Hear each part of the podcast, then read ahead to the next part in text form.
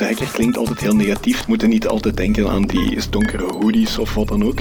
Hoe werkt ethisch hacken? Allee jong, je gooit dus een tennisbal over de gevangenismuur en bah, niemand merkt dat of zo. Vangen! Ja, vangen. Dat is hoog, man. Waarom kan je zo makkelijk dingen over een gevangenismuur gooien? Al duizenden Oekraïnse kinderen zijn sinds het begin van de oorlog gedeporteerd naar Rusland. En ook hun verhaal hoor je in dit kwartier. Ik ben Lode Roels, welkom. Het is een hoogdag voor de ethische hackers. Want de nieuwe wet geeft hen vanaf vandaag een pak meer vrijheid. Zometeen wat meer over de nieuwe spelregels, maar eerst nog eens naar de basis. Wat zijn ethische hackers? Hackers zijn personen die kwetsbaarheden opsporen in, in computersystemen en netwerken.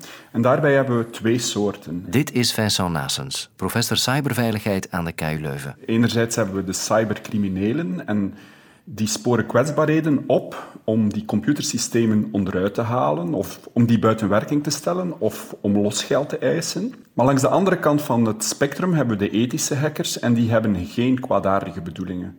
Ze willen ook kwetsbaarheden opsporen en die rapporteren aan de bedrijven en organisaties zodat die hun informatiesystemen beter kunnen beveiligen ja, en zo het lek kunnen dichten. En die goedaardige hackers mogen sinds vandaag dus plots veel meer. Die nieuwe wet zegt dat het dus voortaan is toegelaten om kwetsbaarheden op te sporen in computersystemen, zonder dat de bedrijven of organisaties daarvan vooraf op de hoogte zijn. Natuurlijk zijn er een aantal zaken in opgenomen om zowel de hackers zelf te gaan beschermen als de bedrijven te gaan beschermen. Zo mogen hackers bijvoorbeeld geen beloningen eisen, tenzij dat ja, vooraf natuurlijk is uitgestippeld in een contract tussen het bedrijf en de hackers. De hackers mogen ook geen buitensporige acties gaan uitvoeren op de computersystemen. Ze mogen ook geen buitensporige middelen inzetten. Dat betekent ja, heel concreet dat ze niet mogen starten ja, met het stelen van paswoorden of het opzetten van phishingcampagnes om op een grootschalige manier paswoorden te gaan ja, stelen. En misschien last but not least, ja, die hackers moeten altijd het bedrijf informeren indien ze een lek ontdekken en moeten ook ja, het CCB, het Centrum voor Cyberveiligheid in België gaan waarschuwen. En die gaat dan uiteindelijk beslissen of die kwetsbaarheid uh, al dan niet openbaar mag gemaakt worden.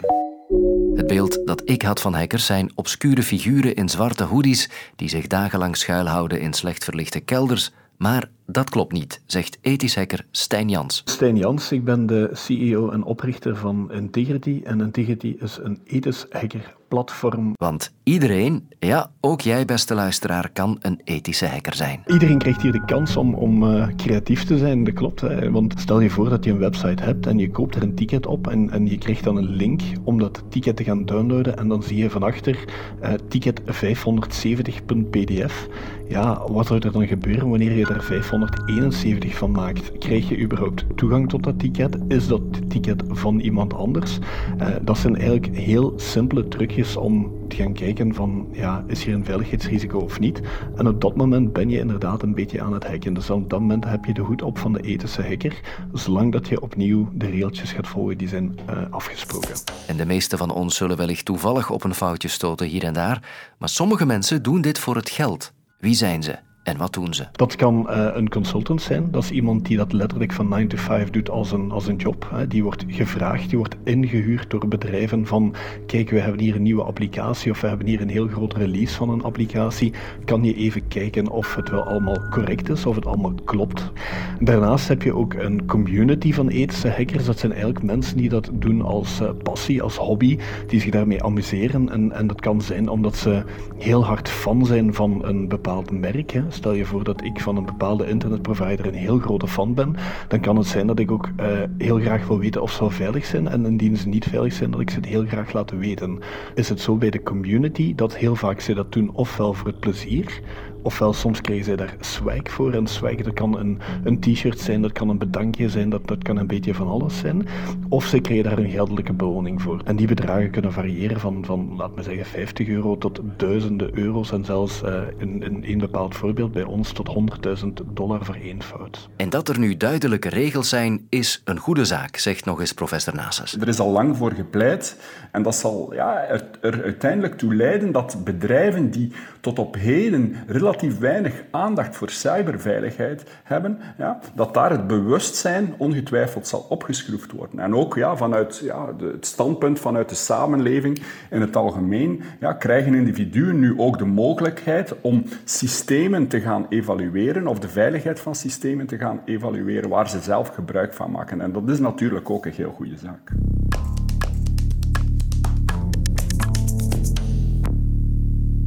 Kijk, daar vliegt een tennisbal over de muur van de gevangenis van Antwerpen.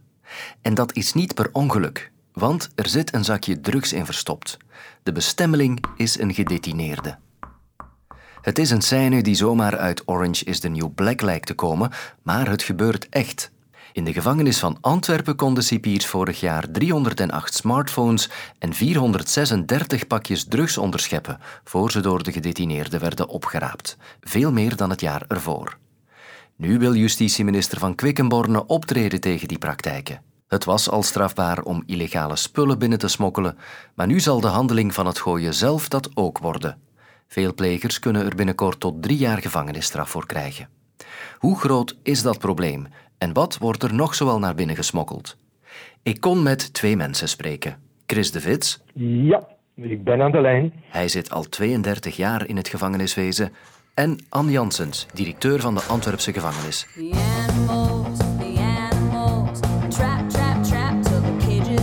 Eigenlijk uh, geëxplodeerd op het moment dat er omwille van coronamaatregelen geen bezoek meer mocht toegelaten worden. Dus dan is men zich toch beginnen richten naar alternatieven. En dan is het overgooien, dus uh, dat heeft dan terug aan populariteit gewonnen. Waar we vroeger individuele dosissen zagen, zien we nu eigenlijk grote pakketten, uh, echt bestellingen. Die bestellingen worden naar buiten doorgegeven en daar gaan dan inderdaad geoefende werpers de verpakking op zich nemen. Ik vermoed dat ze daar ook wel op geoefend hebben van wat dan het beste materiaal is om die zaken in te verpakken. Kijken, ja, hoe, hoog moet ik smijten, hoeveel kracht moet ik zetten. Uh, ja, er zijn dus wel degelijk mensen die zich daar heel hard in uh, geprofessionaliseerd hebben. Wat ik zelf meegemaakt heb ook, dat was het overgooien van een plastic zak met daarin twee flesjes bier. En ja, ik zie het beeld nog altijd van uh, de twee gedetineerden die er naartoe liepen. Eén flesje was gebarsten, uh, het tweede flesje was ongeschonden gebleven. En uh, ja, dan geldt het recht van de sterkste in de gevangenis. Dus één heeft het flesje ja, genuttigd op de wandeling. Die werd dan natuurlijk achteraf over aangesproken en hij kreeg daar een straf voor. Maar het had hem wel gesmaakt, moet ik zeggen. Ja, flesjes bier hebben wij nu nog niet gezien. Wel sterke drank in plastieke flesjes. Dus er zijn toch ook mensen die liever uh, alcohol drinken dan drugs gebruiken. Uh, maar het meest grappige dat wij gezien hebben is, uh, is, is, is, een pita of een doerm of zo. We zijn nu nog niet zo heel lang geleden begonnen met de invoer van kookplaten. Hè. Dus gedetineerden die willen kunnen een kookplaat aankopen, zodat ze op cel ook eens iets kunnen opbakken of, of warm maken. En sinds dat we die kookplaten hebben ingevoerd, zien we ook ja, gewoon vers vlees over de muur komen. Of uh, ja, dingen die ze in de pan kunnen pakken, bij wijze van spreken. Ja, het is inderdaad wel ja, we moeten er ook mee lachen dan. En soms komt het dan ook samen met andere dingen. Dan zeggen we, ah, ja, we hebben van de buit van vandaag vier gsm's, 130 gram drugs en 2 en, twee kilo gehakt. Dus het is inderdaad soms wel grappig ook, ja. Uh, dat is eerder tussen aanhalingstekens dan in de ludieke sfeer. Maar er zijn uiteraard heel wat uh, andere verhalen daarom.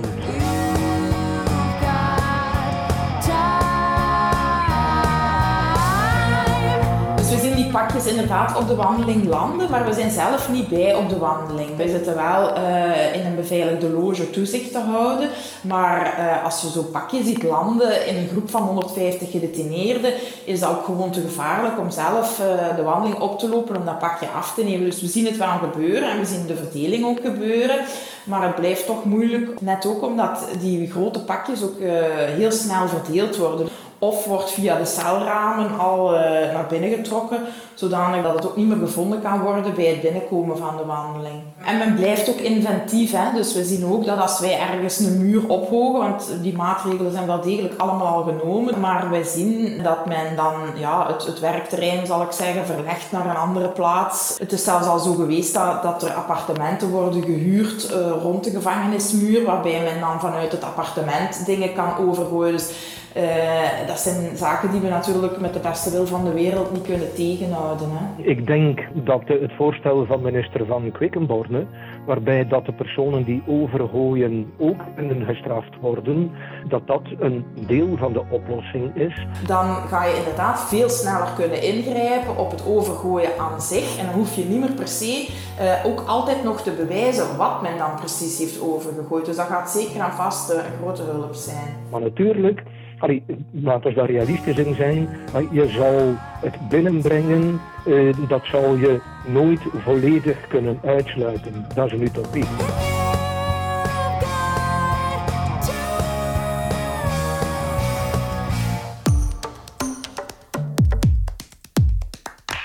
We horen regelmatig dramatisch nieuws uit Oekraïne, maar dat van vanochtend was van een andere orde. Kinderen uit bezette gebieden worden systematisch naar Rusland gedeporteerd. Dat blijkt uit een rapport van de Vluchtelingenorganisatie van de Verenigde Naties. Op een trein zitten kinderen. Een vrouw vertelt dat ze tevreden zijn om hun nieuwe woonplaats te ontdekken. Op de vraag waar ze heen gaan, antwoorden ze in koor: Naar huis. Wapke Waaier van Raam op Rusland, een website die verslag uitbrengt over de regio, schreef er eerder al over. In het begin was dat best wel een schemergebied. En daarover is steeds meer bekend geworden. Sinds het begin van de Russische invasie in Oekraïne zijn er kinderen, zowel weeskinderen, weeskinderen met pleegouders als kinderen die geen wees zijn, zijn getransporteerd naar Rusland. Natalia sent her daughter to a summer camp organized by Moscow designated authorities in Kozacha Lopanya. She was able to see her daughter Karina again but other mothers haven't been so fortunate. Er zijn in Oekraïne heel veel weeskinderen en ook heel veel mensen die geadopteerde kinderen hebben. Het zijn vaak ook wel grote gezinnen en dat die kinderen dan in de chaos van de oorlog dus worden meegenomen, eh, worden in Russische bussen worden gestopt. En daar staan dan weer, want daar zijn echt beelden van, dat er bijvoorbeeld in Siberië de adoptieouders klaarstaan met uh, ballonnen om deze kinderen te adopteren.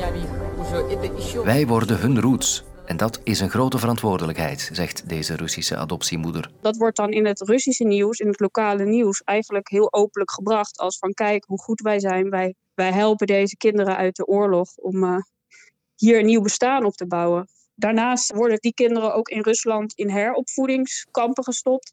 Die worden bijvoorbeeld uh, uitgenodigd om op zomerkamp te komen, om even weg te zijn uit het oorlogsgebied. Maar die worden vervolgens helemaal niet teruggebracht naar de ouders in Oekraïne. Wat eigenlijk het meest verontrustende is, is dat er een soort van Russificering plaatsvindt van deze getransporteerde kinderen in Rusland. Maria Lvova-Belova, de kinderrechtencommissaris van Rusland, wordt in het rapport ook genoemd.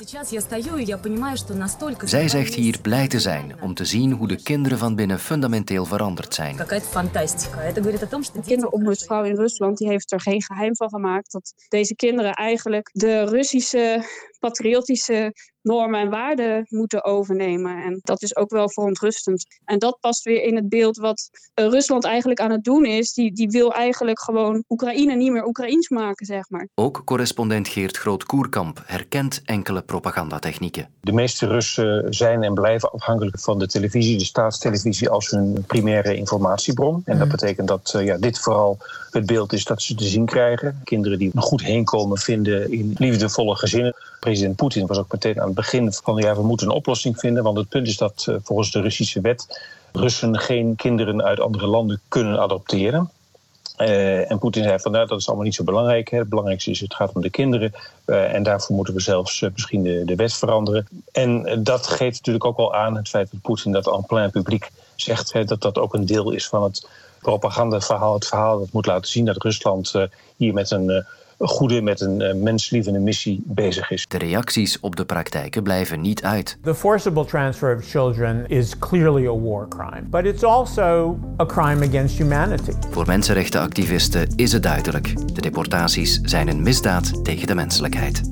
En morgen hoor je hopelijk wat positiever nieuws in de podcast. Dan leggen we alweer drie nieuwe verhalen uit. Tot dan. Luister ook naar 90 Minutes, waarin onder meer Sam Kerkhoffs en Steven de Voer de voetbalactualiteit bespreken.